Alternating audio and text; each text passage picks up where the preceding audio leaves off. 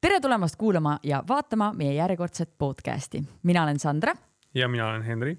ja nii nagu ikka viimased kakssada pluss saadet, me räägime Be First mentaliteediga inimestega. Nendega, kes on sportlikud, ägedad, innovaatilised, kastist välja mõtlejad ja lihtsalt lahedad tüübid. just ja tänases saates on meil külas Kaisa Selde ja Raido Mitt kes annavad väga põneva ülevaate sellest, milline on treenerite maailm, treenerite elukutse, kuidas üldse hakata treeneriks ja millised väljakutsed sellel teekonnal äh, ette juhtuvad. tõesti väga pikk ja põhjalik äh, vestlus oli täna, nii et äh, pange käed kokku, tehke kõvasti lärmi. tere tulemast saatesse, Kaisa ja Raido. sportland, Be First podcast tere tulemast ja mulle tundub, et äh, siin äh, sellest äh, kaamerast vaadates meil on nagu aba kokkutulek oleks, aga lihtsalt nagu, et meie match ime ja siis teie match ite. et kui Kaisa arvas, et me võiksime lauldes teha intro, siis tehniliselt see võiks täiesti sobida. palun, palun tehke, palun tehke. meid, ei, mul veel mikker ei ole sees, ma ei saa teha veel. lisaks on see selline hästi isamaaline aba, et naised on mustas, mehed on valges-sinises. et elagu Eesti. täpselt nii kuulge, aga suur rõõm, et te olete täna meile külla tulnud, me räägime väga olulisel teemal ja tegelikult eh, see on teema, mille kohta meile on ka varasemalt tulnud eh, küsimusi ja palvet, et tegelikult võiks sellest teemast rääkida. me räägime treeneritest ja sellest, kuidas üldse saada treeneriks ja mis värk kogu selle treeneri maailmaga on, sest et mulle tundub, et eh, viimastel aastatel sellest on päris palju räägitud kutsekvalifikatsioonidest, sellest, kuidas saada treeneriks, aga see on ikkagi natuke nagu selline äh, tume maa või nagu seg segane maa, et, et vaatame, mis me, mis me täna siin, kui palju me saame seda selgust siia tuua, onju. aga enne seda, kui me räägime teemast, siis me tahaks natuke rohkem teie, teie kohta kuulda. ja me alustame alati igat oma saadet esimeste mänguga, kus me siis räägime teie esimestest, et meie alustame lauset ja teie lõpetate. fakte kontrollima ei lähe nii et äh, võite ka lõbu, igast, igast lõbusaid jutte, jutte siia rääkida. Henri, kas sa tahad esimese, esimese küsimuse võtta? teeme nii äh,. alustame siis Kaisast. Kaisa, sinu esimene treener? minu esimene treener uhuhuh, äh, see jääb arvatavasti lapsepõlve. võib-olla käisin lasteaias, käisin iluvõimlemas, ma treeneri nime kahjuks ei mäleta, aga, aga jah, iluvõimlemistreener kaua sa tegelesid iluvõimlemisega? Mõned aastad, mitte Aha. väga pikalt. hästi. ja Raido eh,? kaua sina on... tegelesid iluvõimlemisega kusjuures ma olen äh, ülikooli ajal olen isegi ühe kava kokku pannud, mis on Youtube'is nähtav. no nii, no nii wow.. ja meil on kava, kava esitajad olid mitte iluvõimlejad, vaid kolevõimlejad, nii et ütleme siis äh, kuulajatele ka, et mida nad peaks Youtube'ist otsima, et see video leida. ma arvan, kui guugeldada kolevõimlejad, siis see tuleb välja aga esimene treener on, ma läksin äh, paralleelselt esimesse klassi minekuga, läksin orienteerumistrenni Põlvas, olen Põlvast pärit ja seal oli treeneriks selline legendaarne mees nagu Nikolai Järveoja, hüüdnimega Kolja, kes siis on praktiliselt isegi täna veel on äh, pool elu olnud minu selline esimene treener, mentor ja, ja kindlasti ka isa eest, et temaga ma olen veetnud väga väga palju aega koos äh, nii metsaradadel kui igasuguseid muid tegevusi tehes, et, et väga oluline inimene siiamaani minu elus. kui sa peaksid meenutama või mõtlema, et mis on need äh, asjad, mida, mida tema sulle õpetanud on? kindlasti distsipliin eelkõige, et äh, noh, see oli ka veel selline aeg, et aasta oli siis üheksakümmend kaheksa äkki, et ta oli suhteliselt karmikäeline, aga, aga just see distsipliin tol ajal äh, oli see kindlasti, mis meie gruppi nagu väga edasi viis, et äh, räägi seda ka, ilmselt on päris palju kuulajaid, kes ei ole tegelenud orienteerumisega, et üheksakümmend kaheksa aasta, ma eeldan, et sa olid kuskil kuue-seitsmeaastane siis, kui sa läksid trenni. Ähm, mis on nii väiksel lapsel need esimesed orienteerumise harjutused üldse, millest pihta hakatakse? Äh, tegelikult äh, on alates juba kaheksandast eluaastast on ametlikult võistluste nöörirada, ehk siis sa jooksedki metsas mööda nööri ja korjad siis punkte ja need rajad on nii tehtud, et äh, sa saad, üks variant on joosta täiesti nii-öelda kaart taskus, jooksed mööda nööri lõpuni ära ja on ka nii võidetud. aga tihtipeale korraldajad teevad selliseid suuri haake sisse, et sul on võimalik mööda teed väga lihtsalt äh, lõigata isegi nii, et sa saja meetri kaugusel näed, kuidas nöör uuesti metsast välja tuleb, et kui sul natuke nupp nokib, siis sul on võimalik oluliselt lühem rada läbida ja, ja seeläbi võita et.... oota, nöörirada, see tähendab seda, et nöör on lihtsalt pandud raja peale, see nöör, selle järgi. metsas selline circa kaks-kolm kilomeetrit on veetud nööri ja siis sa saadki, sa saad kätte selle tunnetuse, et sa oled üksi metsas mm -hmm. ja sa saad selle, et sa jooksed nagu noh, korjadki punkte. et ja teine variant on see, et kui sul natuke nupp nokib, et siis sa lõikad mingeid äh, suuri paune maha, et et sul on põhimõtteliselt on lubatud sealt nöörirajalt kõrvale ka siis astuda ja,? on küll jah, ja sealt natuke edasi on tugirada, kus siis punktid pannakse nöörist natuke eemale, et sa pead niikuinii natukene orienteeruma juba mm. -hmm. Kaisa, kas äh, sinu treener lasi sul ka mööda nööri kõndida või? Iluvõimlejad tavaliselt pannakse ju niimoodi. mööda nööri, mööda matte, ma mäletan neid, äh, seda suurt saali äh, täis matte ja nööri ma õnneks ei mäleta aga kui sa, kui sa peaksid meenutama, et kas on mingisugune õppetund või midagi meenutada temast või oma esimestest treeneritest? issand, see oli tõesti lasteaia aeg, nii et äh, ma kahjuks ei mäleta sellest ajast mitte midagi ja. aga on mõni teine treener, kes on, kui sa nagu mõtled selle peale, et aa treeneri käest sain sellise mõtte või, või ma ei tea, motivatsiooni või mis, mis siiamaani kannab? no kui aus olla, siis ma olen selline rühmatreeningute fanaatik ja ähm, ühesõnaga igalt treenerilt on midagi saada, midagi õppida, et äh, see treener on seal lava peal samamoodi rollis või samamoodi näitleja, nagu mina siis äh, igapäevaselt olen. ja nüüd ka siis treeningsaalis seal lava peal et ähm, ma ei oska hetkel mingisugust konkreetset asja välja tuua, aga mina õpin igast trennist mm. -hmm. ja igalt treenerilt on midagi õppida. aga räägime siis sellest esimesest hetkest või esimesest korrast, kui te tundsite, et ma tahaks saada treeneriks. Kaisa. see oli võib-olla siis, kui ma sain kätte enda personaaltreeneri paberi ma olin need eksamid ära teinud, hästi palju vaeva näinud. pärast seda tundis? pärast seda ma mõtlesin, et kui ma juba nii palju olen vaeva näinud, siis, siis ma tahaksin seda asja nagu soojas hoida, sellega ka reaalselt tegelema hakata, et alguses ma läksingi tegelikult õppima selle mõttega, et äh, ise aru saada, mida teha, kuidas teha, kuidas efektiivsemalt teha. ja siis ma alles sain aru, et ähm, jah, et ma olen nii palju vaeva näinud, et ikkagi võiks sellega tegeleda ja nüüd äh, süües kasvab isu, nüüd ma juba annan rühmatrenne ja ühesõnaga vaatab, mis tulevik toob. Davai, sellest me saame pärastpoole rääkida ka, et kus sa täpsemalt õppisid ja, ja kuidas see protsess äh, välja nägi, on ju. aga Raido, sinul? ma arvan, et see oli circa viis-kuus aastat tagasi, kui ma tegelikult pean ennast rohkem juhendajaks, mitte otseselt treeneriks, et, et juhendan siis harrastusjooksjaid. ja see oli, toona oli siis äh, olin äh, elukaaslasega, tulime ühest jooksuklubist ära äh, erinevatel põhjustel. Ja siis, äh, siis ma hakkasin nagu ennast, enna-, eelkõige ma hakkasin ennast ise treenima, et mõtlesin, et noh, ma saan hakkama küll, et, et, et mul nagu isegi ei ole treenerit vaja, et ma olen juba spordis sellises kohas, et piisavalt kogemusi ja ja siis hakkasin elukaaslast ka treenima ja kuidagi nagu, ma ei tea, see tundus nagu selline ma nagu eelneva siis selle spordikogemuse ja ka erinevate treenerite kogemuste pealt sain aru, et mul on juba midagi, mida ma tahaks teistmoodi teha ja sel hetkel tundus, et miks mitte proovida nagu siis enda elukaaslase peal ja täitsa hästi toimis, et. ahah, tema sõnade järgi või oled sa kindel, et ta julges sulle tõtt rääkida? ei, ei, ei, väga hea, väga hea seda ma ei julge öelda, aga tulemused räägivad enda eest.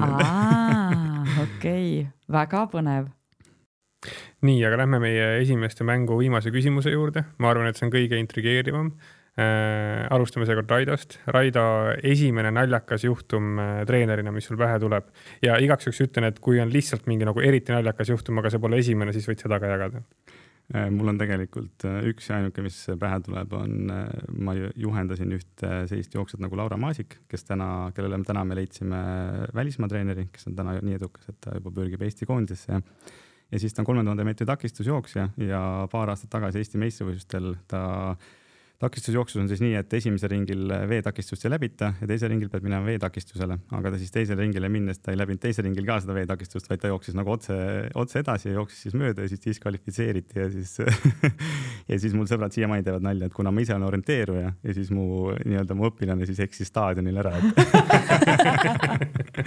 et see on selline suhteliselt kentsakas juhtum, aga me mõlemad tegelikult kohe pärast seda kallistasime ja naersime, et see oli selline, ta läks küll kindla Eesti meistritiitli peale, aga, aga see oli nii naljakas, et ei ei kuidagi ei, ei osanud nagu pettunud ka olla. et isegi profidel juhtub? jah, täpselt, et ta oli lihtsalt, võib öelda, et ta oli nii keskendunud või siis, või siis lihtsalt.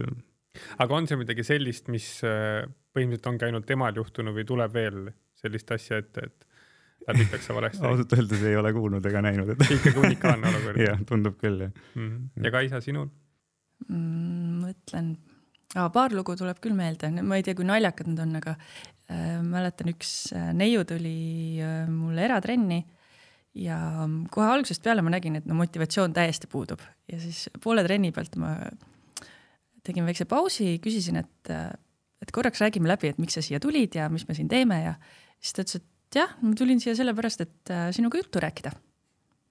et see oli kogu see nagu eesmärk ühesõnaga, et tegelikult ei olnudki eesmärk mu trenni tulla, vaid neiu sooviski minuga tuttavaks saada lihtsalt, siis ütlesingi, et teinekord kutsu mind kohvile.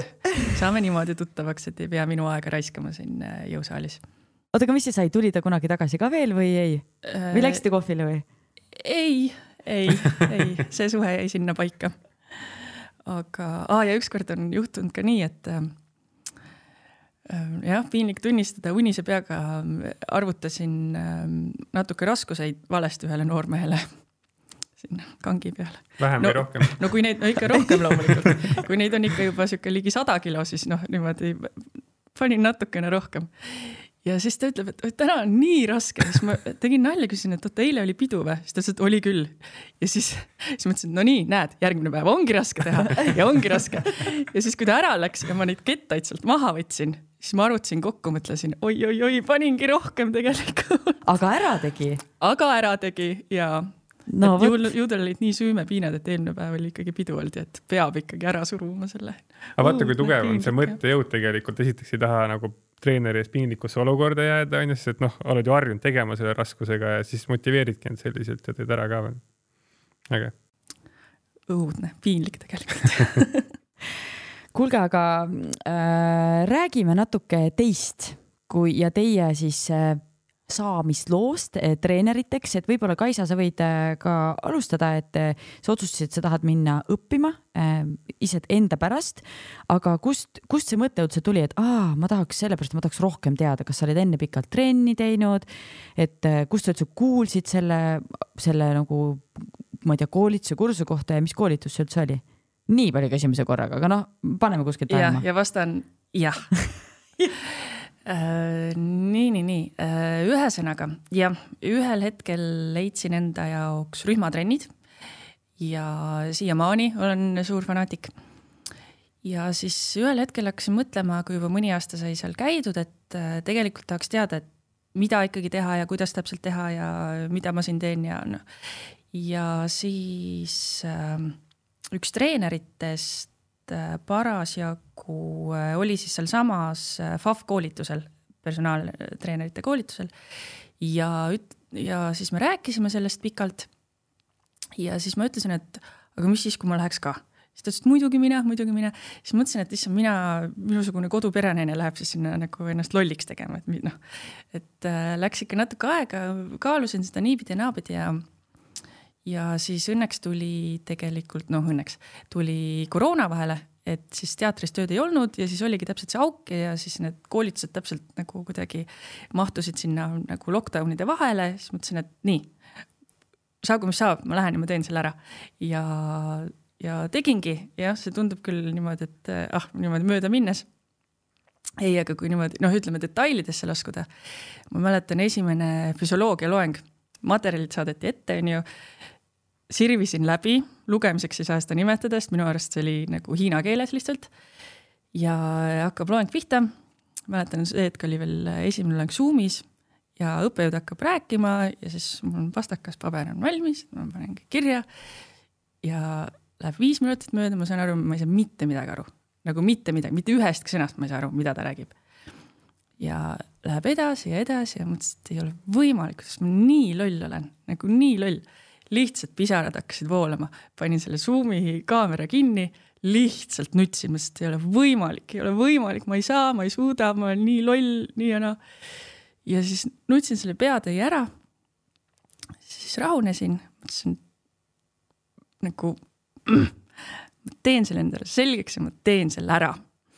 siis panin kaamera käima ja no ühesõnaga õhtu lõpuks ma tegin selle endale selgeks, ma tegin selle ära no see on, ma, ma ei kujuta ette, mis, mida sa sel hetkel tunda võisid, aga kuna ma olen ise FAF-i läbi teinud äh, aastaid äh, tagasi, siis ma enam-vähem võin mõista, mida, mida sa sel hetkel tunda võisid. aga enne seda, kui sa läksid, kas sa polnud mitte ühtegi mõtet peas, et äkki võiks treenerina ikkagi tööd teha ka? kui niimoodi aus olla, siis enne seda mõned aastad ma tegelikult äh, mõtlesin minna teraapiaid õppima mm,. siis kunstiteraapia ja muusikateraapia ja selline. Õnneks ma sinna sisse ei saanud. Äh, ma ütlen kohe õnneks, sest pärast, äh, kui see otsus tuli, et ma ei saanud, siis saadeti mulle soovitusi koolitustel osaleda ja siis koolituste pealkirjad olidki, et nõustamine alkohoolikust perekonna lastele ja noh, nagu sellistel teemadel. Ja ma sain aru, et tänu jumalale ma ei saanud, sest ma oleks võtnud selle töö kõik koju kaasa ja ma ei ole selleks vähemalt hetkel eluperioodis valmis. ja siis äh, seda treeneritööd õppides ma sain aru, et võib-olla see oleks minu väljund, et kuidas siis nagu terveid ja rõõmsaid inimesi veel tervemaks ja veel rõõmsamaks teha. et kuidagi ma saan aru, see on nii nagu väiklane öelda, aga ma millegipärast tunnen, et treenerina ma teen maailma paremaks mm -hmm. ühe inimese kaupa, jah. ma tabasin ennast mõttelt, et äh, siin laua taga on kolm treenerit ja mina ja siis ma esindan nüüd seda kuulajaskonda, kes ei ole treenerid. võib-olla, Kaisa, sa räägid mõne lausega selle treeneri äh, koolituse protsessi äh, nii-öelda teoreetilist poolt. ma arvan, et on väga palju kuulajaid, kes tegelikult ei tea, palju te tegelete seal näiteks anatoomia ja sellise nagu äh, teoreetilise poole selgeks tegemisega. et mis endast tegelikult siis kujutab? Meil olidki loengud, äh, issand, sa saad mind kohe täiendada, kui mul kõik täpselt äh, praegu nüüd ei tule soravalt. Äh, jah, füsioloogia, anatoomia, psühholoogia, toitumine ja siis juba see mm, ühesõnaga. oli ka turundust siis, kui mina tegin? oli ka turundust, jah. et kuidas ennast näiteks eratreenerina turundada ja, ja kommunikeerida, jah? jah ja, mm -hmm. Ja siis juba see harjutusvara, eks ole, treeningplaanide koostamine, kõik selline tehniline asi. praktilised tunnid. jah, praktilised tunnid, siis vaheeksamid ja siis eksamid ja ka praktika siis nii-öelda, kui sa ühe kliendiga töötad, oli kuus nädalat või kaheksa nädalat. ja siis veel ja selle põhjal siis lõputöö kirjutamine, jah aga kas ja kui palju tegeletakse ka selle osaga, mis kujutab endast siis kas kliendi või sportlase motiveerimist, et kuidas talle olla toeks ja kuidas seada talle eesmärke ja kogu seda osa? jah, sellest oli ka juttu, ma just mõtlengi, kas oli seal psühholoogia loengutes või siis jestes, jestes, aga jah, jah, me rääkisime sellest äh, küll ma ei oska jah öelda praegu, mis loengus, aga kui nagu üleüldiselt rääkida, et kui inimene on huvitatud, siis äh, selle paberi saamisest, sest ma tean, et turul on nii palju, kes seda pakuvad, siis tuleks jälgida mm, seda, et kui palju on kontakttunde selles kavas, sest paljud pakuvad äh, hästi palju loengvormis asju, aga meil oli ma too hetk uurisin turul olevatest nendest äh, firmadest, kes seda mm, koolitust pakuvad, oli kõige rohkem, mõnest isegi kaks või kolm korda rohkem kontakttunde, mis on tegelikult sellise eriala puhul üliülioluline, et sa ei saa õpikust õppida seda, kuidas olla personaaltreener mm. -hmm. aga mis need teised olid, noh, FAF on üks, on ju, FAF vist oli Finnish Academy Fitness või Fitness Academy Finland, ma ei tea, kumb, kumma pidi see käib. siis ma tean, et üks personaaltreenerit koolitav äh, kursus on veel, kas neid tõesti siis on, on, on neid veel või? ma, mina ma ei neid tea nimesid praegu selle ei oska sulle öelda, aga minu teada neid on. mm. -hmm. ma ei kujuta ette, mis paberi sa sealt saad või aga mis paberi sina said?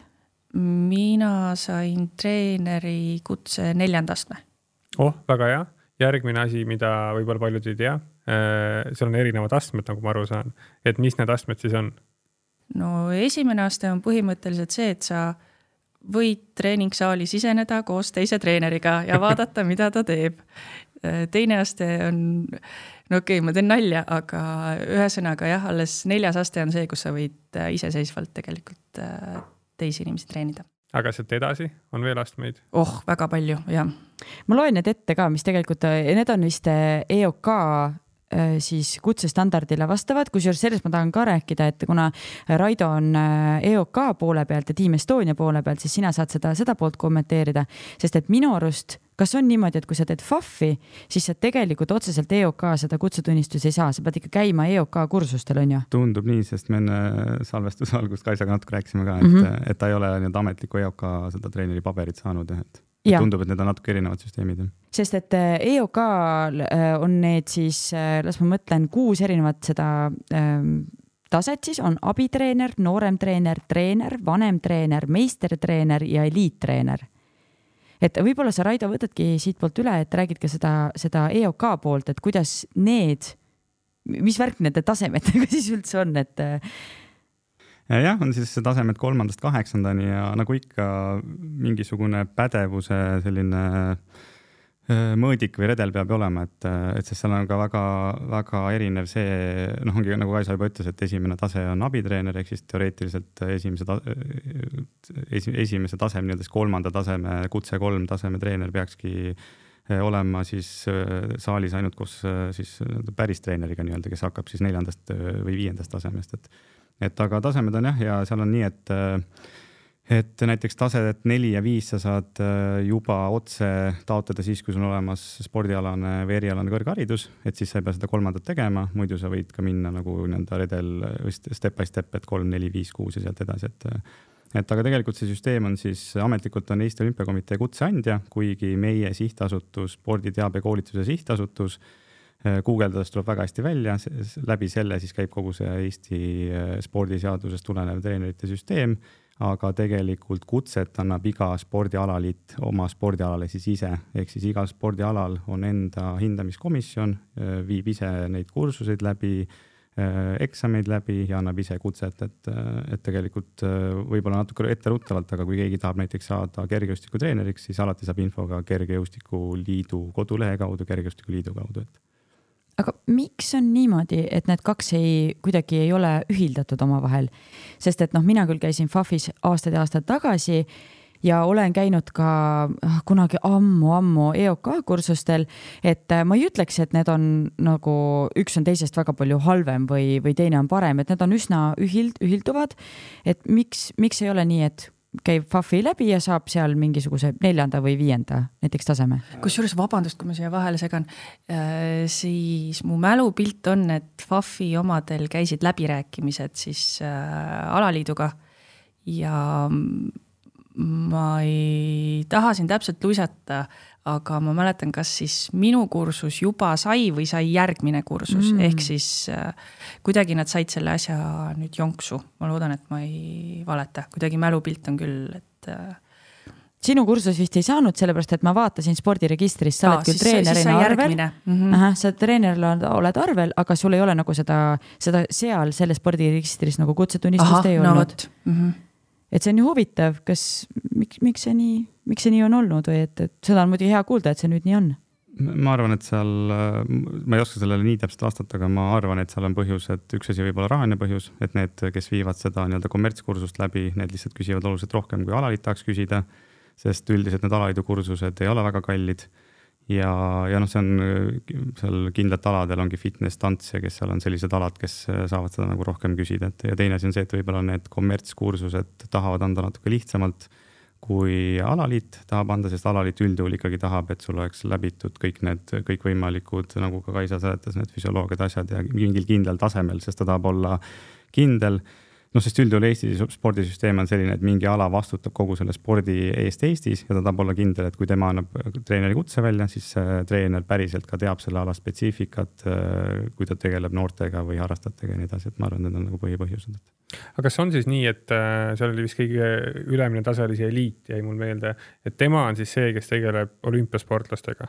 ja neid on, selliseid treenereid hetkel Eestis on kaheksa jah, et äh, meist jah, et äh, olgu siinkohal öeldud, et meister eliittreeneri kutset annab siis äh, Eesti Olümpiakomitee komisjon ja see on siis jah, nendel treeneritel on üldjuhul juba kas rahvusvaheliselt rahvusvahelisel tasemel sportlane, kes on siis juba ka medaleid võitnud ja eliittreeneri puhul on seal tegelikult väga pikk nimekiri, et ta peab olema äh, olen ma juba jätnud äh, nagu oma tegevusega jälle rahvusvahelisse süsteemi ja artikleid seal väljastanud ja teinud koostööd, teaduslikku koostööd ja nii edasi, et sellepärast meil IT-treenereid nii vähe ongi, et, et äh, lihtsalt osalt võib-olla sellepärast, et meie süsteem on suht noor, et lihtsalt seal on ka oma staaž ju, et sa ei saa, kui sa tahad viiendalt näiteks kuuendale minna, sa pead kolm või neli aastat olema treener, et, et üks asi on aeg ja teine asi lihtsalt meil ju siis ei ole nii pädevaid inimesi praegu veel. kas need kaheksa inimest me saame siin kamba peale loetud ka? No üks ma mäletan, Kadri Liivak oli, äh, kuna Kadri, mina olen ka Kadri all palju õppinud, ta on just selle aeroobika poole pealt, siis oli Mati Killing, Kairi Paps.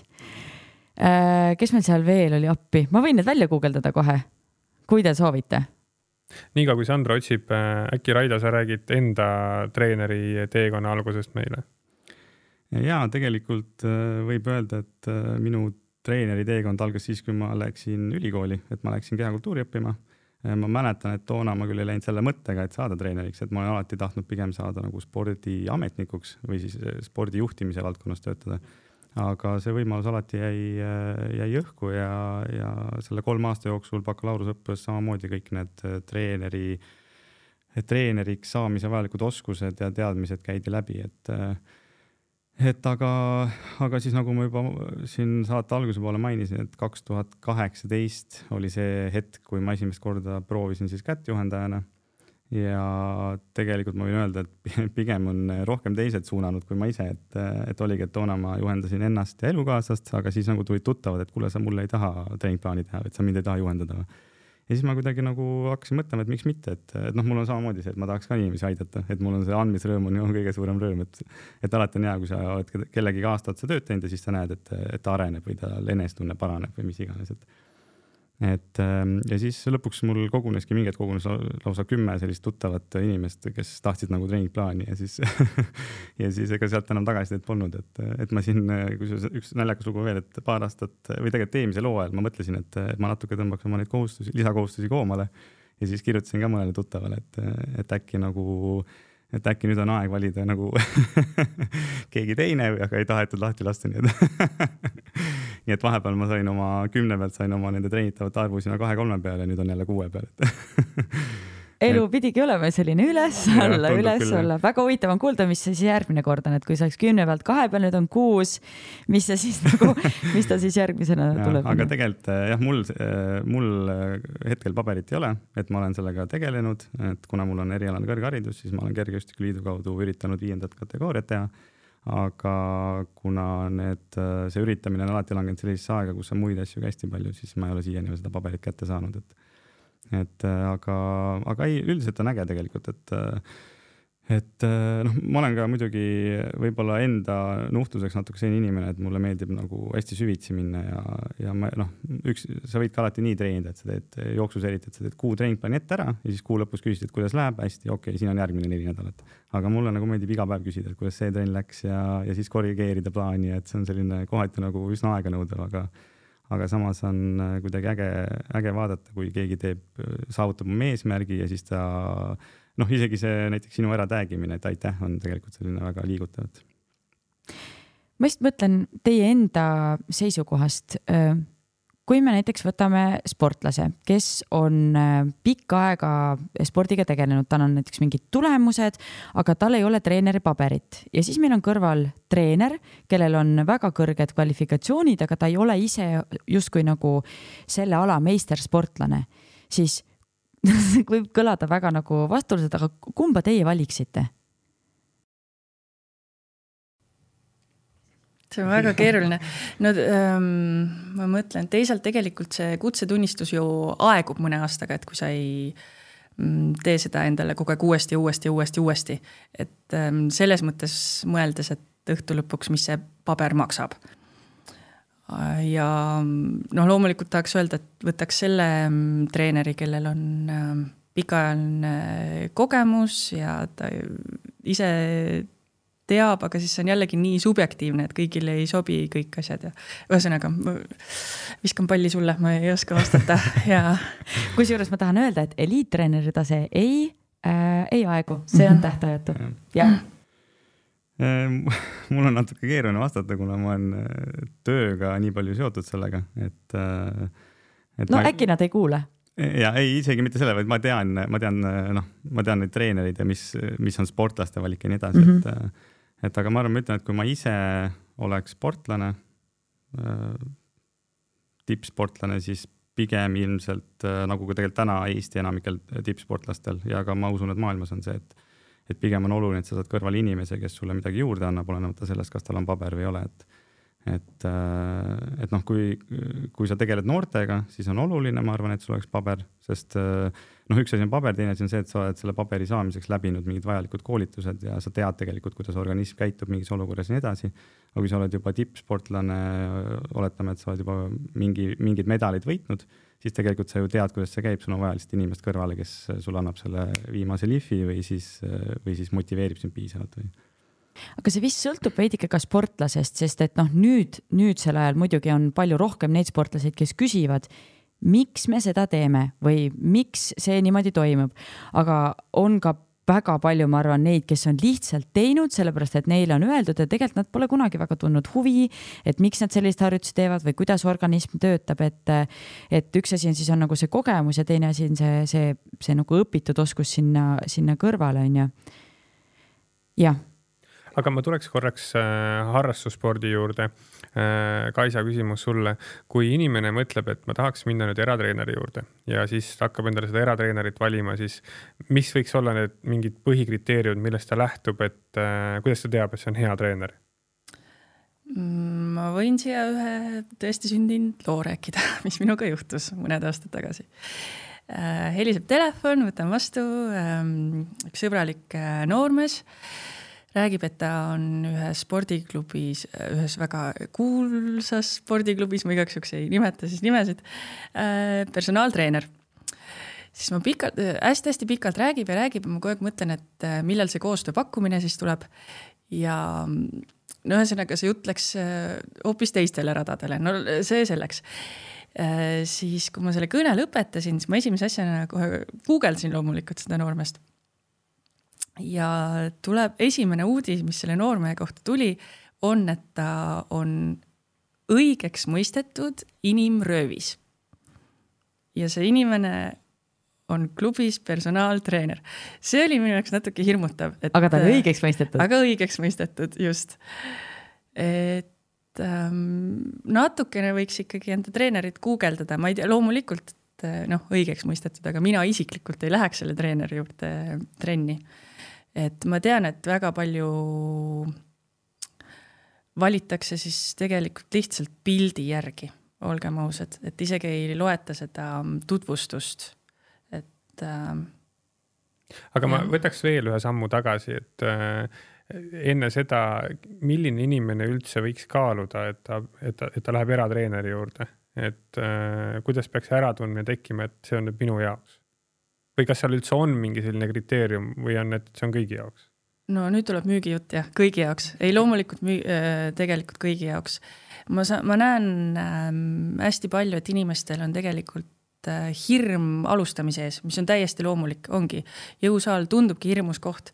kui ma lähen sinna, kartakse ennast äh, rumalana näidata, et noh, kui ma tõesti ei tea sellest asjast midagi, see ei ole häbiasi, et võtagi kasvõi äh, see esimene kord, kasvõi see esimene kord keegi endale kõrvale. mis mulle väga meeldib äh, teha, on see, et siis see on niisugune tunnetuslik asi, et mul on kliendiga alati selline nagu turvapall ümber. ja mulle on öeldud ka, et siis on selline tunne, et kogu maailm kaob ära ja siis meie kahekesi tegutseme. on kohe nagu selline noh, teine tunne. Äh, ja tegelikult kõige rohkem soovitaks ikkagi neile minna, nagu sa ütlesid, need, kes on eluaeg on nii teinud, kuna kuskilt nägin, et nii tehakse ja nii teengi. Nemad kindlasti võiks korra vaadata kellegiga enda tehnika üle. ja loomulikult ka need inimesed, kes ähm, nojah, ühest küljest muidugi liikumine on hea, ükskõik mida sa teed, kõik on väga hästi. aga kui sul mingit arengut ei ole nagu aastate lõikes, siis, siis on ka võib-olla midagi natukene, ma ei saa öelda valesti, aga no ühesõnaga, siis oleks ka tore kellegagi konsulteerida. et need on võib-olla need jah, kolm kõige suuremat kriteeriumit. Ja samas no see motivatsioon juba ise, et tegelikult sa kindlasti lähed sinna saali kohale, kui sa tead, et keegi ootab. Isegi kui väljas sajab paduvihma ja sa mõtled, et diivani peal on ikkagi tore kooki süüa, aga sa tead, et keegi ootab, siis ma pean sinna minema, hambad ristis ja ma omast kogemusest julgen väita, et äh, treeneriga koos treenides äh, paratamatult see harjutuse kvaliteet või soorituse kvaliteet on rohkem distsiplineeritud. sest et äh, kui sa üksi toimetad, siis endale neid järeleandmisi on lihtsam teha, kui sul treener kõrval on, siis noh, see on oluliselt, oluliselt keerulisem absoluutselt ja näen seda ka enda, enda pealt jah jah, aga Raido, küsimus sulle, mis puudutab tippsportlasi. Kas sa oskad öelda, kuidas käib tippsportlasel endale treeneri valimine äh, olukorras, kus tal on ka siis mingit valikut, on ju, et mille järgi või kuidas see protsess üldse välja, välja näeb tänapäeval? no üldjuhul on, noh, Eesti on nii väike, et Eestis on kõik treenerid kõigile teada ja on noh, ka sportlased ju teavad, mis, mis, kellega mingi treener töötanud on, ehk siis küsida soovitust või mis tulemuseks siis mingi treener võimeline on oma sportlasele, kuhu oma sportlane viia, et et aga, aga päris palju on viimasel ajal ka eestlased hakanud väljapoole vaatama ja välistreenereid, et, et need tulevad lihtsalt äh, puhtalt äh, noh, paljud eestlased käivad USA-s ülikoolis ja tuleb sealtkaudu treener, paljud on lihtsalt soovituse kaudu, et, et näiteks noh, mul on oma endast käest kogemus võtta, et, et ühele enda sportlasele otsisime välismaalt treenerit läbi Kergejõustiku Liidu kaudu ja saime väga hea kontakti, et, et üks variant on ka nii täitsa otsida, et et ja tihtipeale need treenerid tahavadki näha sportlase nii-öelda CV-d, et milleks ta võimeline on, kas ta on, kas ta on, kas ta on sobilik tema gruppi ja, ja siis teeb sellise esmase kohtumise, et näha, kas ta, kas ta sobib ka isikuliselt sinna gruppi ja nii edasi, et. kas treener on sportlase või alaliidu palgal, kui me räägime tippsportlastest? Äh, nii ja naa, et äh, meie süsteemi läbi, meie näiteks toetame sportlasi, treenereid selliselt, et kõik rahad liiguvad läbi alaliidu, ehk siis alaliit äh, jah, et enamik treenereid on alaliidu palgal, kes meie süsteemis on, aga nad võivad olla ka klubi palgal või, või näiteks sportlasel on tehtud mingisugune eraldi organisatsioon, paljudel sportlastel enda tiimid, kuhu siis rahad laekuvad ja sealtkaudu siis tasu, tasustatakse treenerit ma, ma nagu, kui, kui sa sellest juba praegu räägid, siis äh, mul lihtsalt tuleb meelde olukord äh, aastaid-aastaid tagasi, kus äh, Marek Vister äh,, siis Magnus Kirdi treener, oli olukord, kus äh, Marek oli väga edukas treener, neil oli ülimalt hea koostöö Magnusega, aga Marekul ei olnud äh, treeneri kvalifikatsiooni. kas Team Estonia vaatab ka seda, et treeneril äh, siis sportlased, keda te toetate, et neil peaks olema treeneritel kvalifikatsioonid Äh, vastus on ei et, et me oleme võtnud selle suuna, et kui me maksame välja riiklikke preemiaid, siis peab olema treenerikutse.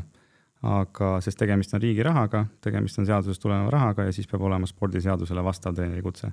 kui on Team Estonia sportlane, ehk siis sportlane ise ütleb meile, kes ta treener on, siis me treenerikutset ei nõua, kuna see ongi see, et et paljud tippsportlased on jõudnud oma elus sinna, sinnamaani, nagu ma juba rääkisin, et, et tal ei olegi vaja kedagi, kes ütleks talle, et jookse täna kümme, homme kaksteist kilomeetrit, natuke utreerides küll.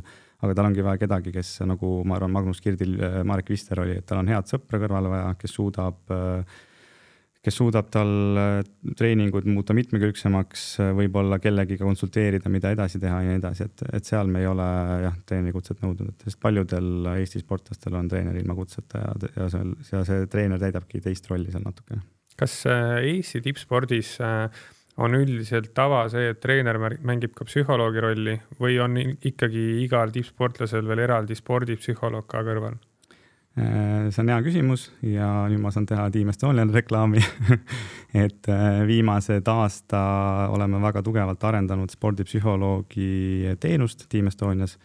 Et äh, siiamaani on paljud treenerid olnud seisukohal, võib-olla natukene see äh, vanema ajastu või vanema generatsiooni mõtlemine, et ei ole vaja mingit psühholoogi, et vaja on panna ja vaja on trenni teha ja kui on vigastus, siis on vaja veel rohkem panna et äh, aga nüüd on äh, jah, me oleme selle teenuse võimaldanud ja rohkem sportlasi kasutab äh, eraldi spordipsühholoogi ja küll väikeste sammudega, aga vaikselt liigume ka sinna suunda, et ka treener on kaasatud, treener saab aru, et seda on vaja.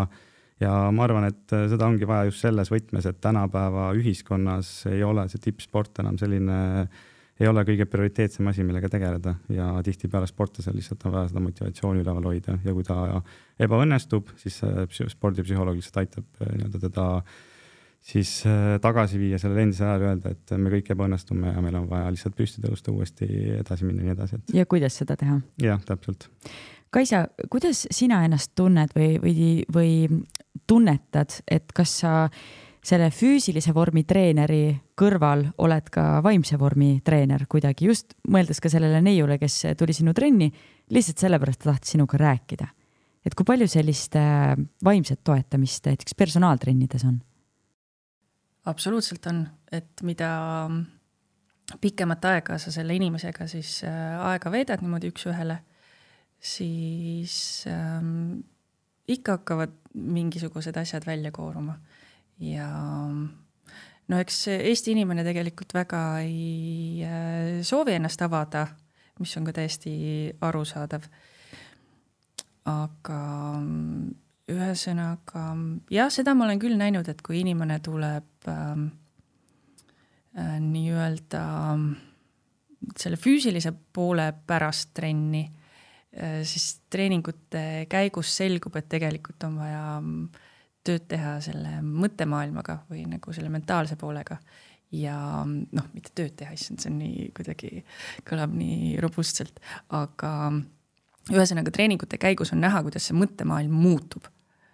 Et, et tegelikult jah, inimene tuli enda kehaga trenni te tööd tegema, aga ta tegelikult tegi hoopis selle nagu teise poolega, et on lihtsalt seda muutust on nii tore näha. oled sa täheldanud, et äh, mis need kõige suuremad äh, mured on või, või tagasihoidvad äh, mõtted, et millega inimesed tulevad?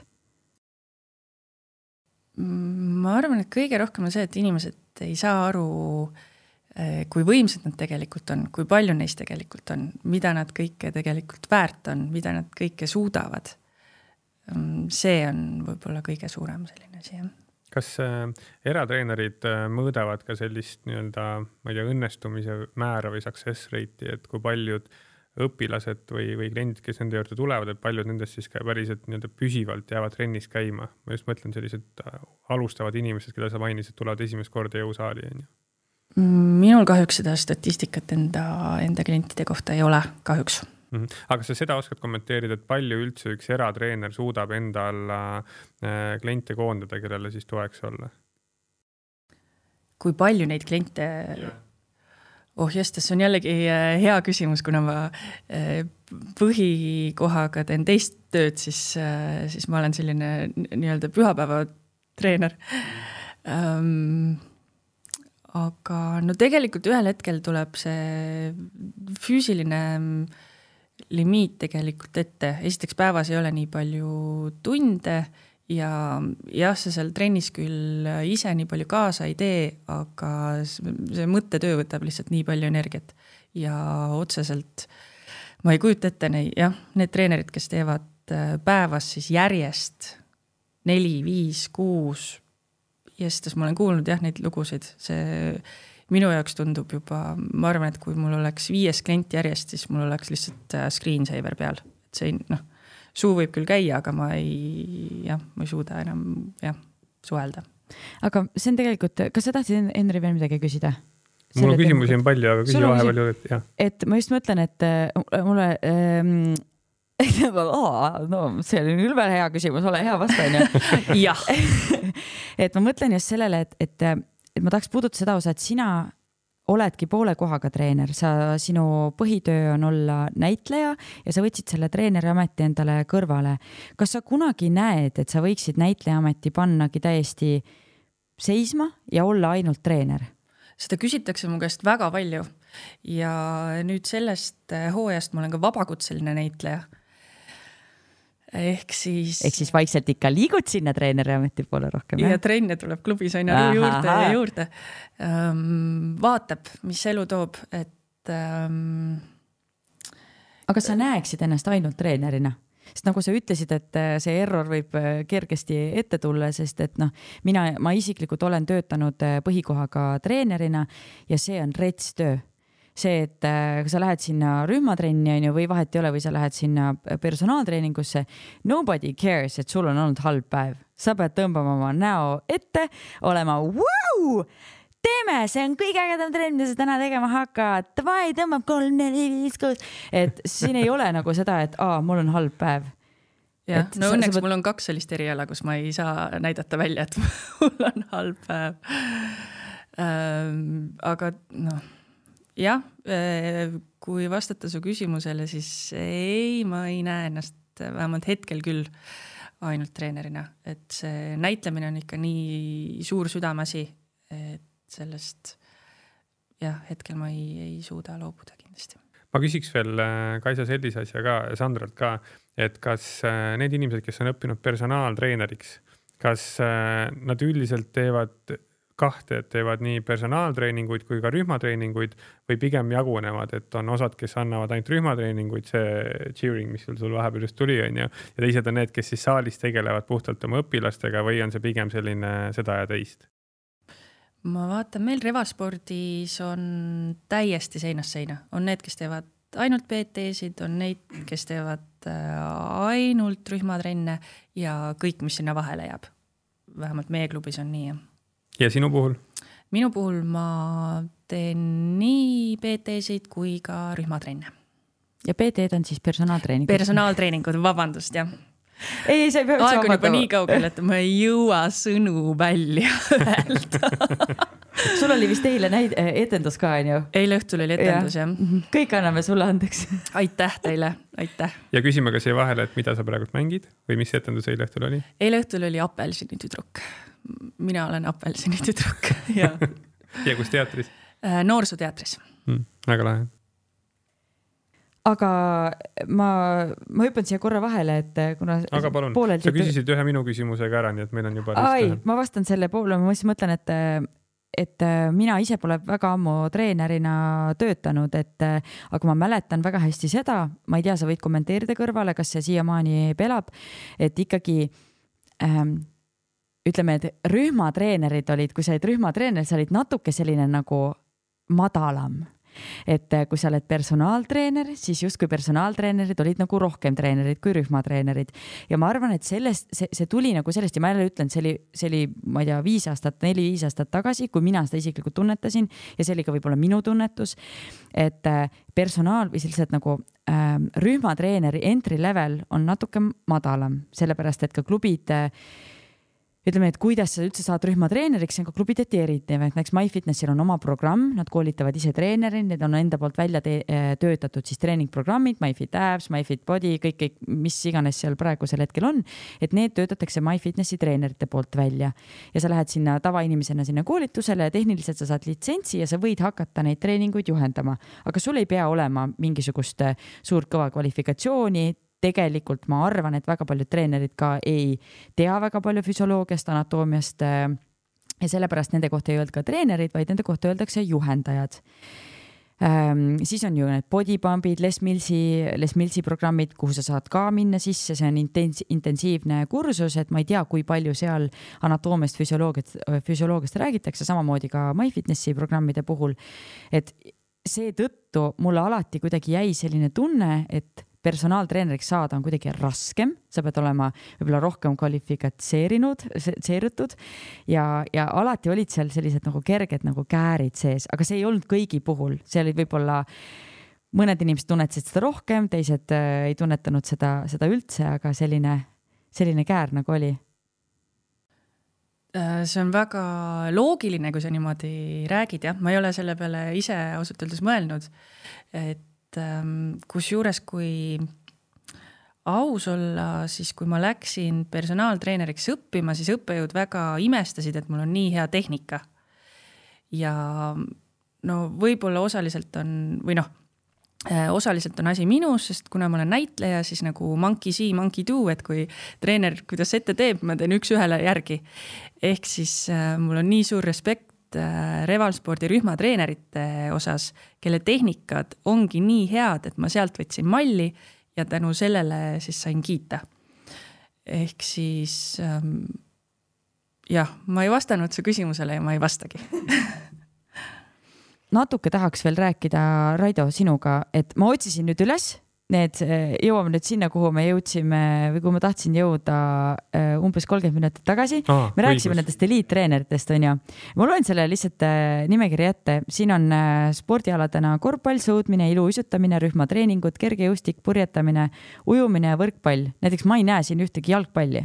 What's up with that? ja inimesed, kellel on eliittreeneri siis kutsetunnistus on Mart, Märt Kermon, Mati Killing, Anna Levanti, Kadri Liivak, Taivo Mägi, Rein Otson, äh, Siiri Põlluveer ja Peeter Vahtra.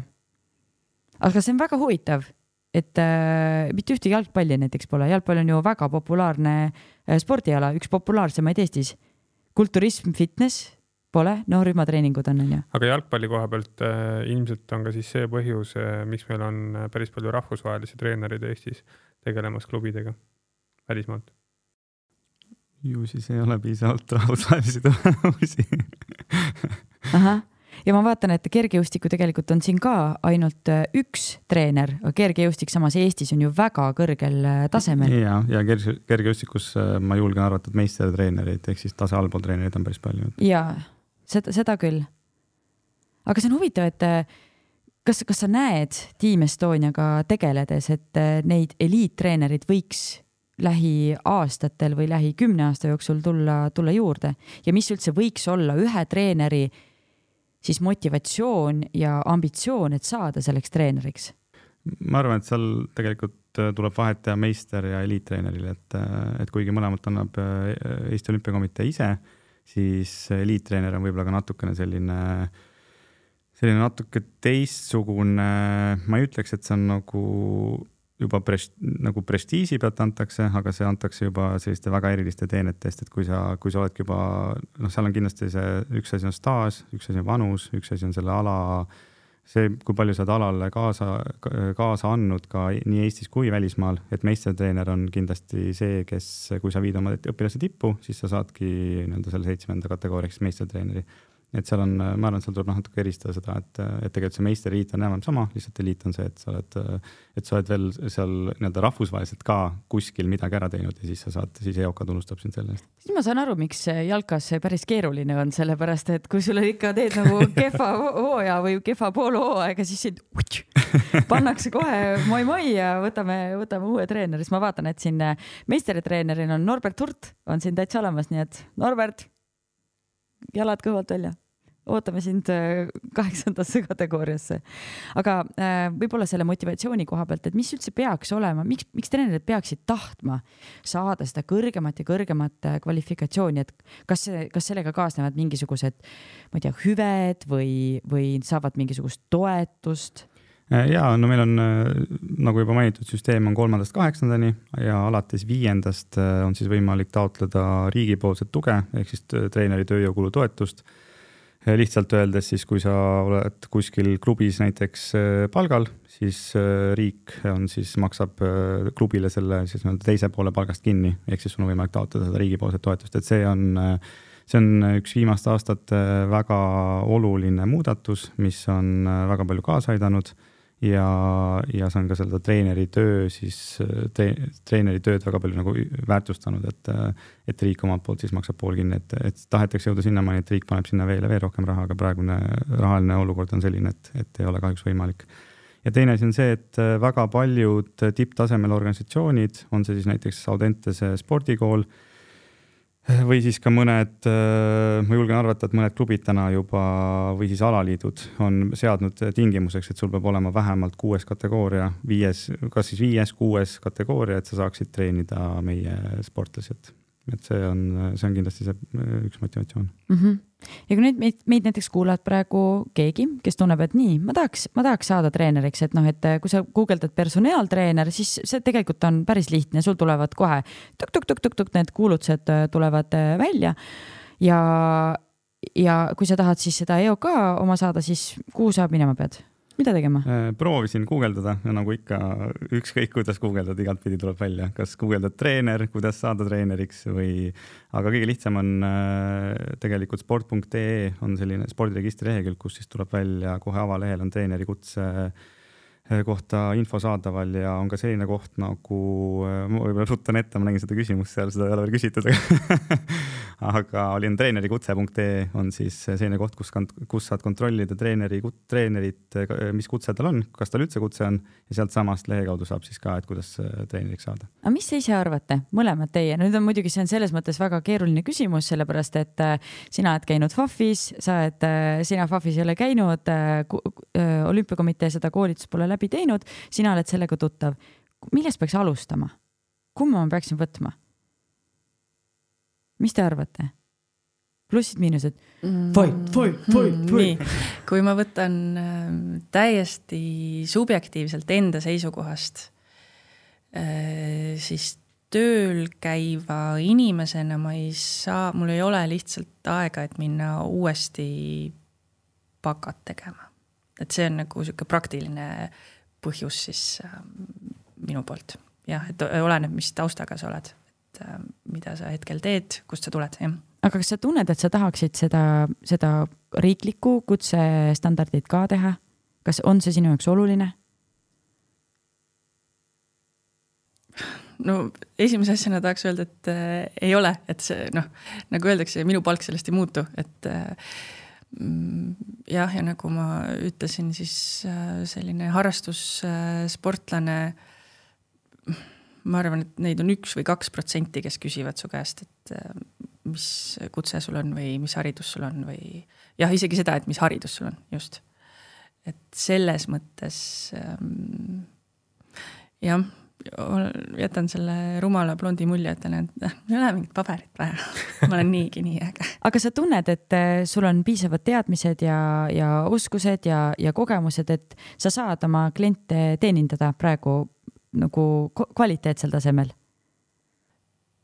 hetkel küll jah, aga see ei tähenda seda, et äh, ma pidevalt ei äh, uuri, ei õpi uusi asju. et need uued asjad mulle tihtilugu paberit ei anna, aga ega sellegipoolest need ähm, on mulle väga kasulikud mm. -hmm. Raido, mis sina arvad? no ma siis ütlen loomulikult, et on vaja paberit ja ma arvan, et tegelikult sellel noh, okei okay,, me räägime sellest paberist tegelikult noh, see paber paberiks, aga tegelikult seal on väga palju plusse, et, et üks asi on see, et et kui sa läbid selle baaskursuse, siis sul on alati võimalik sinna juurde teha iga spordiala siis erialakursus, et kui sa näiteks täna mõtled, et sa tahaksid olla, noh, okei okay,, selliseid inimesi ilmselt väga palju ei ole, kes täna mõtlevad, tahaks olla korvpallitreener, homme jalgpallitreener, aga teoreetiliselt sul on võimalik siis, sul on juba mingid baasained läbitud sa ei pea minema tagasi nii-öelda algteadmiste omandamise juurde, et sa saad kohe teha siis kõrvale selle jalgpalli eriala ja sul on nagu kaks, kaks erialapaberit. Ja lisaks on see, et tööle saamise mõttes, kui sa tahad treenerina tööle saada, siis sul on tegelikult kõik selle spordialaga seotud organisatsioonid avatud. räägime natukene lastespordist ka kas selleks, et äh, lapsi treenida, on see siis nii-öelda üks level nendest treeneriastmetes või see on täitsa eraldi spetsialiseerumine, et noh, me teame, et laps on ju noor, habras, kasvav organism on ju, et seal on kindlasti arvestatavat teadmiste pagasit vaja, et üldse lastega tegeleda, et kuidas see välja näeb? Äh, julgen öelda, et süsteem on sama, lihtsalt nõutakse äh, ei julge öelda, et igal pool, aga kindlasti enamikes organisatsioonides nõutakse treeneri kutset ja ma arvan, et lisaks kõrvale nõutakse ka, kas siis on see, ma ei oska seda nimetada, aga hariduse või lastega tegelemise, ühesõnaga kuidagi, sa pead läbima mingisuguse kursuse veel, et, et nagu ka kui sa näiteks tahad õpetajaks, kehalisest kasvatuse õpetajaks saada, siis peab lisaks kehakultuuri haridusele olema ka aastane mingisugune haridus- ja teadusministeeriumi kaudu läbitud programm, et ma usun, et seal on sama, et et sul peab olema see kas siis kasvatusõpetus või mingisugune selline programm lisaks, et.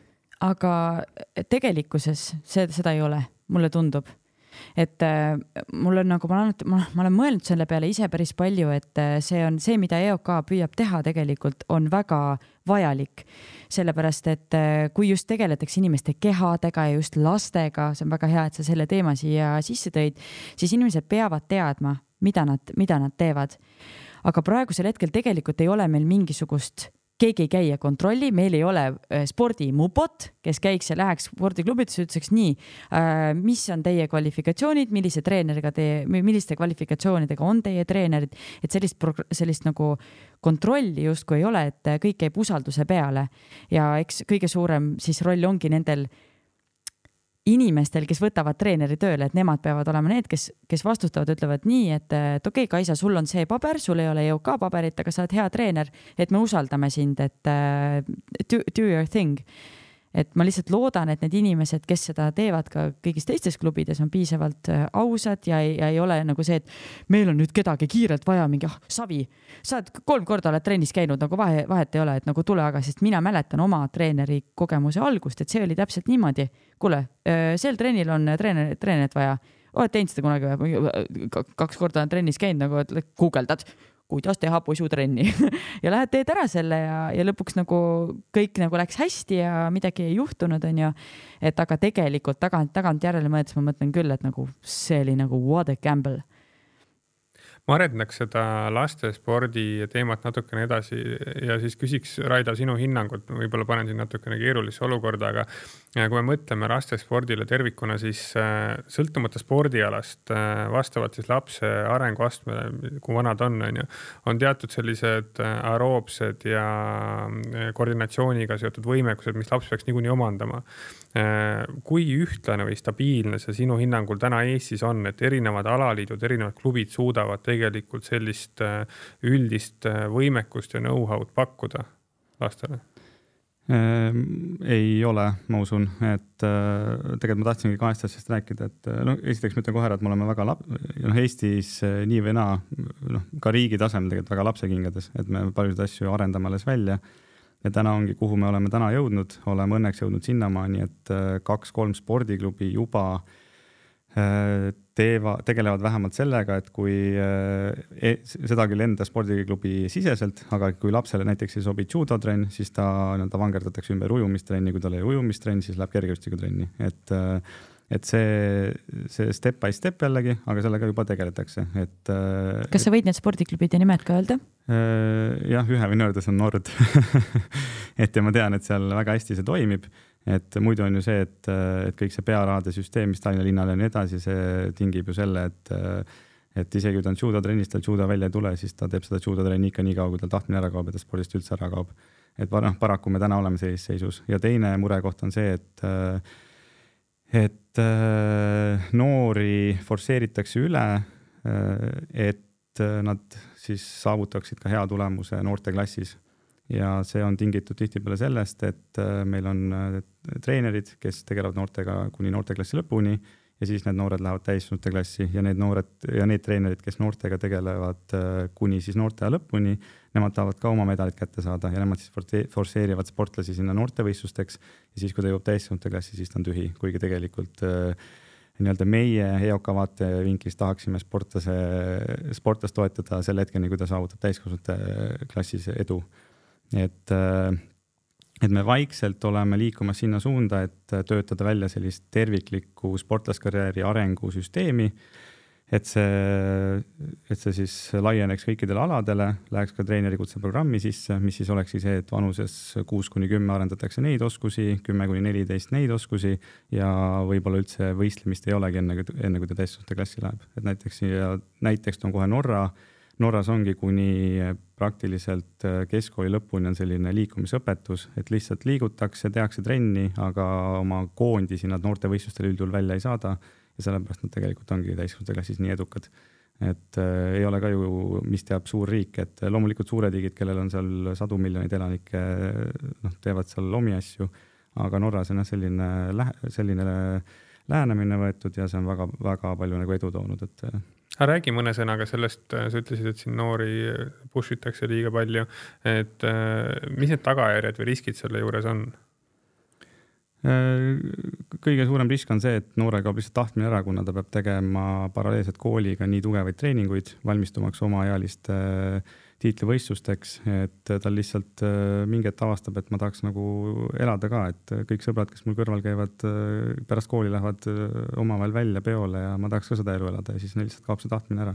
ja teine, teine asi on see, et et neil see noh, meil iga, meil igalühel on mingisugune kapatsiteet, ehk siis noh, on neid, kes teevad noores eas sama palju trenni kui osad, kes täiskasvanute eas ja peavad vastu.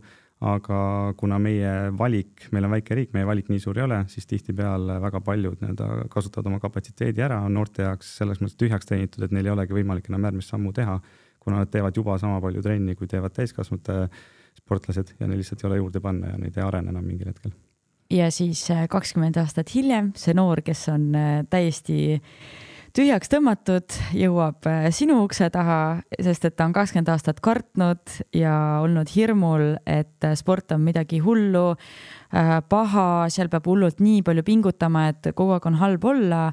ja, ja siis lihtsalt ongi see, kurb on see, et see nii pikk vahe jääb sisse ja siis ta suurel väriseval häälel jõuab, jõuab sinu ukse taha lõpuks oma hingehaavu parandama tegelikult? mul nüüd äh, lõpp, hetkel oli tohutu ahaa-moment, et äh, see, mida sa ütlesid, et mul on nii palju tutvusringkonnas äh, sõpru, kes on noorena tegelenud tippspordiga. ja paljud on sellise suhtumisega, et minu jaoks on nüüd sport ära tehtud, ma tegin selle ära ja me oleme pikalt sellest rääkinud ja mina ei suuda neid veenda, et tuleb ka, räägin kõigist sellest äh, ma ei tea, luutihedusest ja kuidas vananedes, mis kõik juhtub meiega ja nii ja naa. see ei morjenda neid, nende jaoks ongi trenn tehtud, aga nüüd äh, sa nii ilusti põhjendasid selle, selle kõik ära, nüüd ma saan neist aru, jah mulle tundub, et me peaks äh, noorte spordi teemal täitsa eraldi saate tegema. ülioluline teema ja noh, see, mis Raido tõstatas ka, et kui äh, juba tema hinnangul me oleme lapse kingades selles, siis ma arvan, et see tahaks eraldi tähelepanu ja käsitlemist. me oleme teinud noorte liikumisest, aga spordist äh, nagu spetsiifilisemalt ei ole teinud ja see on väga hea mõte, muidugi Te. teeme selle ära teeme kohe järgi või Henri ei saa, Henri vist peab minema oma poega sa pead minema noor, noorsportlasi üles kasvatama. ütleme nii, Sandra, et nice try, aga mul on meeles, et sul on massaaži aeg varsti me võime ära vahetada, ma jätan Raido siia, mina läheks massaaži, sest ma ei oska noortespordist mitte midagi rääkida. puhkus on, äh, puhkus ja lõdvestus on spordi juures väga oluline osa, nii et ma arvan, et ma arvan, ma vingerdan sellest ennast välja. aga äh, ma tahaks varsti minna, kell juba jookseb, onju, et ähm, et ma tahaks varsti minna fänniküsimuste juurde, aga enne seda veidike veel äh, uurida, et kuidas need äh, juhendid üldse kokku pannakse. sa ütlesid, et äh, alaliidud ise äh, justkui nagu panevad selle treeneri, treeneriks saamise juhendi kokku, aga kes neid kontrollib? kes ütleb, et nemad ütlevad, et see on nagu õige, õige koolitusprotsess või õige juhend või et õiged äh, kriteeriumid?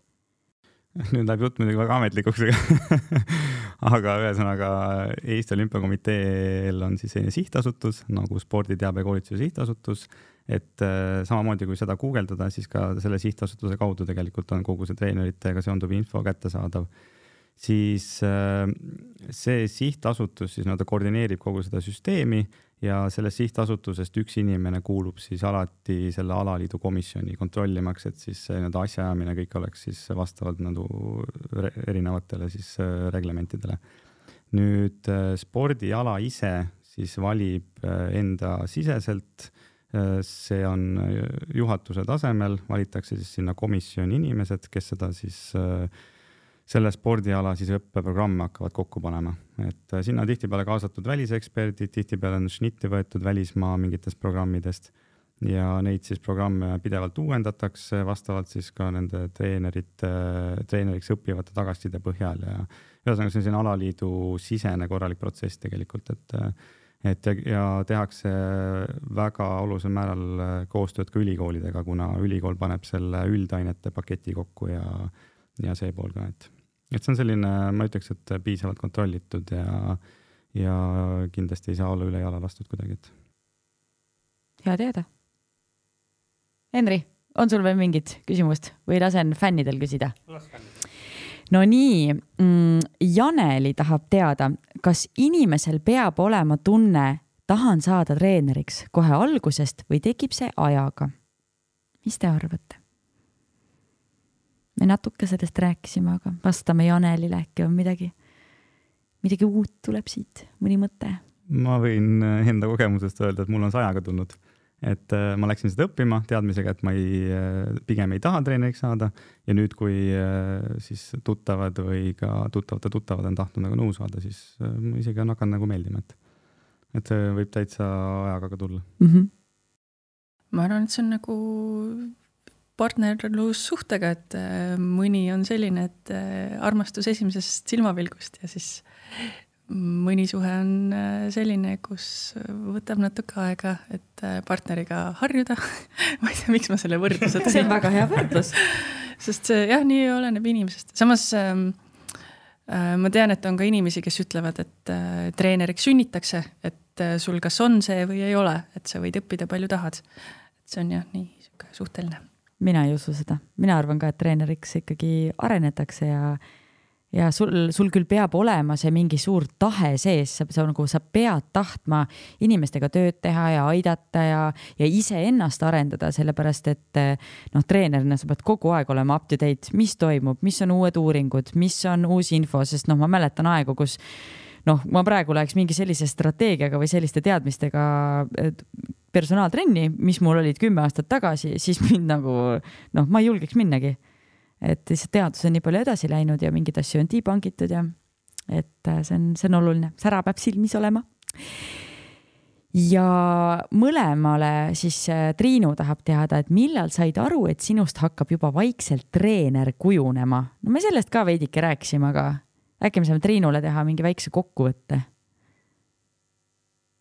millal said või ütleme, et millal said aru, et te olete, et sa oled treener, treeneriks valmis? ma jälle annan sulle, siis ma, siis ma saan nii kaua natuke veel mõtiskleda. päris hea küsimus. on küll jah, paneb ka mõtlema. ma võib-olla siis äh, toon selle kaks tuhat kaheksateist välja, kui ma pidin selle esimese sammu astuma ja siis ma sain aru, et äh, oh, et ma tegelikult saan nagu ise ka hakkama ja mul ongi piisavalt äh, piisavalt üks asi teadmisi, aga teine asi seda tahet, et, et iga päev mõelda, et mõelda välja, mida teha iga päev, et aasta või kahe pärast olla hea, et. et ma arvan, et see on selline viis aastat tagasi siis. no kui täiesti aus olla, siis võib-olla üks selline suur-suur mm, uksepakk oli see, kui ma tegin endaga rahu ja ma sain aru, ähm, et ma olen seda tunnihinda väärt. jah, äh, sest siiamaani on inimesi, no ma võin ausalt öelda, et äh, minu tunnihind on, kas ma võin öelda selle välja või? Äh, minu tunnihind on nelikümmend eurot, mis siiamaani paljusid inimesi kohutab. et nii palju, tule taevas appi, mis sa teed nalja või mis ma saan selle raha eest? Äh, ja. no hakkame lugema, mis sa saad, teadmisi, seltskonda, julgust, motivatsiooni. just ja olgem ausad, et ähm, kõik, kes teevad alla neljakümne euro, solgivad turgu, kui aus olla. ja ühel hetkel ma tegin ähm, endaga rahu selles suhtes, sest ähm, noh, kui tuua kõrvale see, et kui keegi tellib mind äh, õhtujuhiks näiteks näitlejana siis see summa on palju-palju suurem palju-palju suurem, mida ma küsin ja mul silm ka ei pilgu, sest ma olen äh, nii kindel, et, äh, et see inimene saab siis kvaliteeti, ta saab seda, mida ta tahab. aga ma pidin endaga rahu tegema, et küsida inimeselt seda neljakümmet eurot. ja jah, ja nüüd jah, ühesõnaga nüüd ma olen selle juba nii selja taha jätnud, et äh, ei ole minu asi vaadata inimese rahakotti ja see trenn võiks, noh, peaks tegelikult rohkem maksma kui see nelikümmend eurot, et nüüd ma olen sinna, jah, kuidagi nii materiaalne, aga ähm, või noh, ühesõnaga see kõlab nii materiaalselt, aga tegelikult see on lihtsalt selline mõt-, mõttemäng või ühesõnaga, et, et see oli kuidagi peas mul nii paigast või eneseväärtustamine on ühesõnaga see märk, märksõna, jah ma küsiks siia otsa veel selle treeneriks kujunemise teekonna kohta. Kaisa, kas sul on meeles see hetk, kui sul oli treeneripaber käes ja esimene sinu jaoks täiesti võõras inimene tuli sulle personaaltrenni, noh stiilis, et tere, mina olen Tarmo, natukene ülekaalus, hakkame pihta um,. see Tarmo mõttes... oli täiesti umbmäärane näide, igaks juhuks ütlen. ahah, just um no õnneks meil, me tegelikult pidime tegema terve õpingu vältel ka praktikat. et ähm, see ja seda, sellest ma võtsin kõik, mis võtta annab, et juba seal ma tegelikult kohtusin nii-öelda siis äh, võhivõõraste inimestega ja ega tegelikult siiamaani ma ei tee endale mitte kuskil äh, promo, ma ei hüüa kuskil, noh, nagu praegu näha, ma ei hüüa kuskil suurelt välja, ma olen eratreener ja nelikümmend eurot, Revolt Sport, et ma kuskile, kuskile endale reklaami ei tee ja, ja see on kuidagi jõudnud või viinud mind, ma arvan, et selleni, et minu juurde jõuavad täpselt need inimesed, kes peavad jõudma. Et nii palju, kui ma olen äh, inimestega kokku puutunud äh, saalis, no see üks neiu siis välja arvata, kellega me pidime hoopis kohvi minema jooma, äh, kõik ülejäänud on olnud nii minu veregrupi inimesed, et, et ei ole mitte ühtegi negatiivset kogemust õnneks kas ma vastasin, mul läks juba meelest ära, mis su küsimus oli, anna andeks. ma mõtlesin jah, seda esimest momenti, et oh, kui esimest. see keegi inimene nüüd astus saali, et kas sul oli siis see mõte ka, et ahah, nüüd on mul paber käes, ma olen nüüd eratreener ja noh, nüüd me siis hakkame selle inimesega siin toimetama, onju äh, kusjuures jah, tänu sellele, et mul oli nii kõva praktika sellest kooliaja praktikast juba ees ja seal mul oli see vabandus, et ma olen praktikant, et ma olen praktikant, sa tuledki äh, tasuta mulle trenni, rahulikult vaatame, mida me teeme ja sealt äh, tegelikult tuli suur areng, et tegelikult jah, praktiseerides äh, sa arenedki, jah, nagu ma ütlesin, et seda ei saa õppida raamatust, et kuidas olla personaaltreener. et kui mul juba paber oli käes, no siis ma tundsin ennast nagu ähm, ütleme, keskkooli äh, lõpetaja, kes on ju maailma kõige targem inimene. Et äh, siis mul oli väga hea tunne, siis tuli jälle see langus, et oi, ma ei tea ju mitte midagi. ja ühesõnaga, see käib niimoodi äh, üles-alla, jah.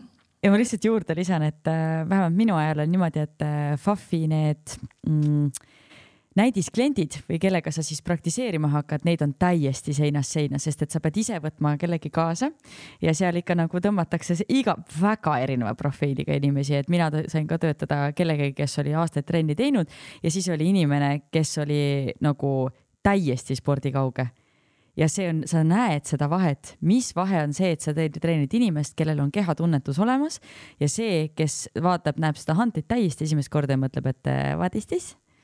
Et see on väga huvitav mm., sealt tuleb palju ja väga targad õpetussõnad olid sealt siis õppejõudude poolt ka, et kui sa võtad endale eh, nagu sellise proovikliendi, ära võta enda parimat sõbrannat, ära võta elukaaslast. Eh, mina selle vea tegin ja siis on täpselt see, et no näita nüüd ma just mõtlesin, et äkki on see natuke sihuke pehmendamine, et ei ole päris sihuke aus ja vahetu tagasiside. ei, ei, see on veel õudsem, see on õudsem ja sina ei tule mind õpetama, sest me just äh, iga reede õhtu joome koos veini ja sina tuled mulle ütlema, kui mitu kükki ma pean tegema, sa teed nalja või? ma võin siia ühe paralleeli tuua, ma tegelen mäesuusatamisega ja olen tegelenud äh, väga pikalt ja siis äh, päris tihti on näha mäesuusakeskustes neid paare kus mees on otsustanud, et hakkab oma naist õpetama suusatama, sest mees on kaks korda varem ka käinud. see on nagu puhas kuld, näha neid konflikte ja karjumist ja hüsteeriat mõlemalt poolt ja kiivrid ja kindad lendavad oh,. päris hea seda jõusaalis ei näe, nii et äh, minge võtke personaaltreener endale kuulge, aga sõbrad, äh, ma sooviks teie käest mõned viimased soovitused siia lõppu. see on sihuke mm, lightning, lightning round, kui selle kohta võib niimoodi öelda. ise vaatate, kes tahab esimesena vastata, see võtab äh, mikrofoni. üks hetk, mida iga inimene võiks oma elus kogeda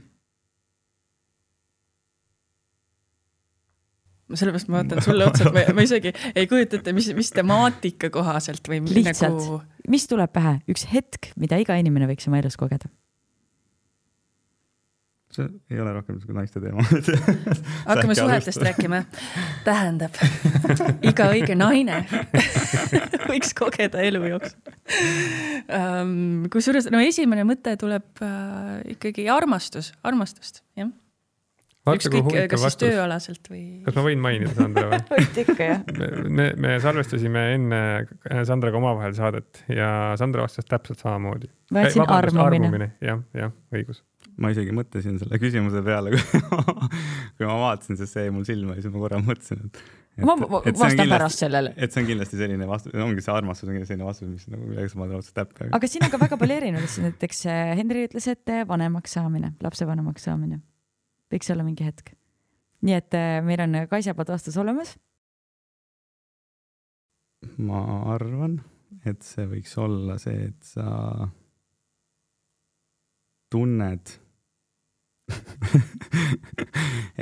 et sa vähemalt nagu, et sul mingi hetk tekib see tunne, et mul on elus hästi tegelikult, et vahet ei ole, palju sa teenid, oled sa, palju sa kaalud, oled sa üksi, oled sa koos, aga see, et ma võin öelda, ma olen seda tundnud paar korda elus, et sul on, et sul ongi, et, et tegelikult on päris äge ja, ja päris mõnus on olla ja, ja mul on tegelikult kõik hästi.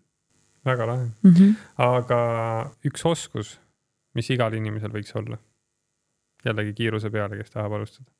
söögi tegemine Voiaka.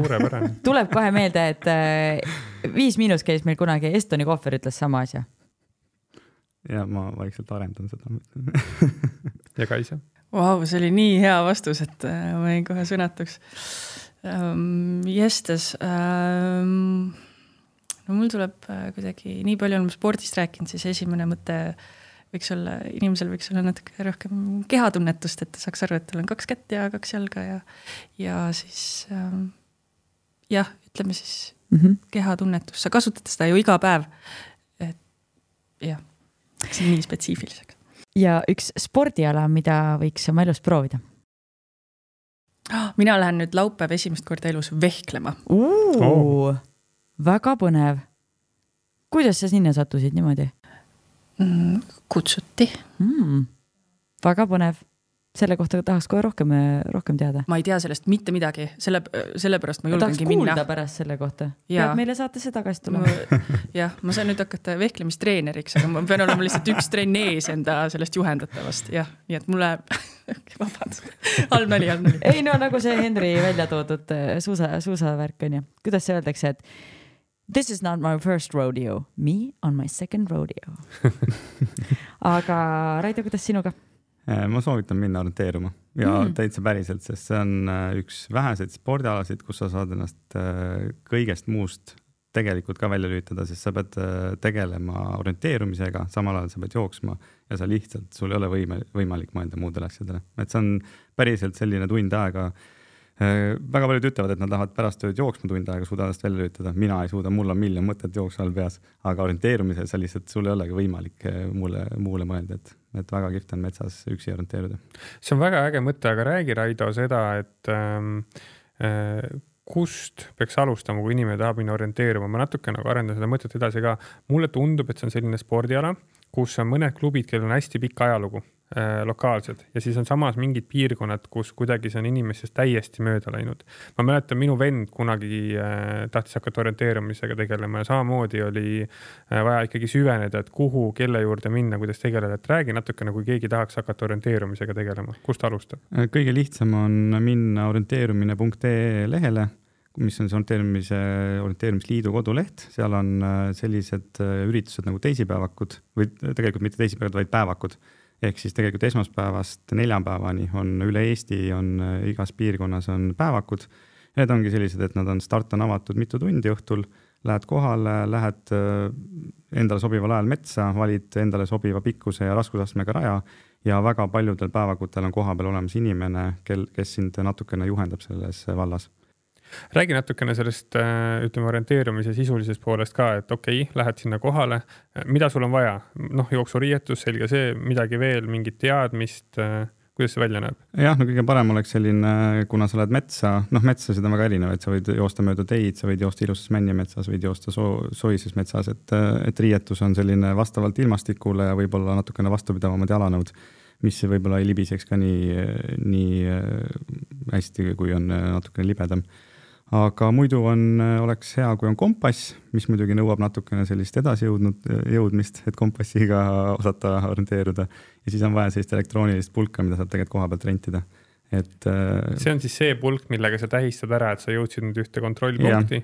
paned selle pulga sinna vastu, on ju, siis tekib mingi info selle kohta. kuna on elektrooniline märkesüsteem, jah. aga Tallinnas näiteks on äh, on täitsa linnapäevakud olemas, et lähedki oma lühikeste pükste ja tossudega ja saad koha pealt elektroonilise märkepulga ja tegelikult linnas äh, algajatel ei ole kompassi ka vaja, et saad majade järgi orienteeruda ja natuke, natukene taskuraha peab ka muidugi olema. on olemas ka ju sellised nii-öelda meeskondlikud orienteerumisüritused, äh, kus sa lähed kolmekesti, sõidetakse ratast kanuuga vist joostakse ja nii edasi, et kas see kõik läheb ka siis nii-öelda orienteerumise klubide alla või see on eraldi tegevus, selle nagu edasiarendus? see on äh, jah, see on see Extreme'i nii-öelda võistlus. seiklussport on jah, seiklussport jah. meil just käis äh, Reeda Tuula külas hmm, äh, ja siis me rääkisime päris pikalt seiklusspordist, nii et minge kuulake paar, paar saadet tagasi. ja, ja noh, Reeda teeb muidugi väga hulle asju, aga seal on mitmepäevased ja nädalased lausa, aga aga muidu jah, see on päris, ma ei ole ise seda teinud, aga see on ka päris kihvt jah, kus siis joostes rattaga, kanuuga ja see on natukene, seal on natuke seda kommerts-touch'i on juures mm, -hmm. et ta ei ole päris nagu see originaalspordiala, aga samamoodi selle orienteerumise lehe kaudu on võimalik see info kätte saada. küll aga ma pean kurbusega teatama, et Extreme'i võistlussarja sellest aastast enam ei toimu Äh, jah, mitte selles originaalvõtmes, aga ma sain aru, et keegi võtab selle üle. ahaa, väga hea et info. see ilmselt on äh, siis tuleviku teema, aga ah, keegi pidi sellega jätkama, kuna see oli mhm. tegelikult väga populaarne ja väga mm -hmm. äge ja läks inimestele väga hästi. väga lahe. no hea info. ohohoo, kuulge, sõbrad, aga aitäh, et te täna külla tulite meile, me rääkisime väga olulistel teemadel. kui kuulajatel-vaatajatel tekkis veel küsimusi, siis te võite ju panna need meile sinna Youtube'i näiteks eh, kommentaaridesse, et kui vähegi võimalik, siis proovime nendele vastata ja minul, minul oli väga lõbus teiega, aitäh! Ja Henri, mul oli väga lõbus sinuga, aitäh. esimene saade niimoodi koos külalistega purgis, lahe. ja lõpetame saate ikkagi veel kommertsnoodiga ehk siis eh, Kaisa Revalsport on see, kus äh, saab sinu juurde tulla, nelikümmend eurot tund, jäi mul meelde. ja Raido orienteerumine.ee, kui keegi tahab alustada. Äh, lapsed samamoodi, orienteerumine.ee ja sealt leiab info. ja seal on kõik klubid välja toodud, mis piirkonnas ja nii edasi suur,. suur-suur aitäh, aitäh ja, ja me endale reklaami ei hakka tegema küll nad leiavad su üles, kui vaja on, onju. ja aitäh, kuulajad-vaatajad, et te olite täieskond mis sõna see oli, taas kord meiega ja järgmise korrani. tšau. tšau. tšau. Sportland, Be First podcast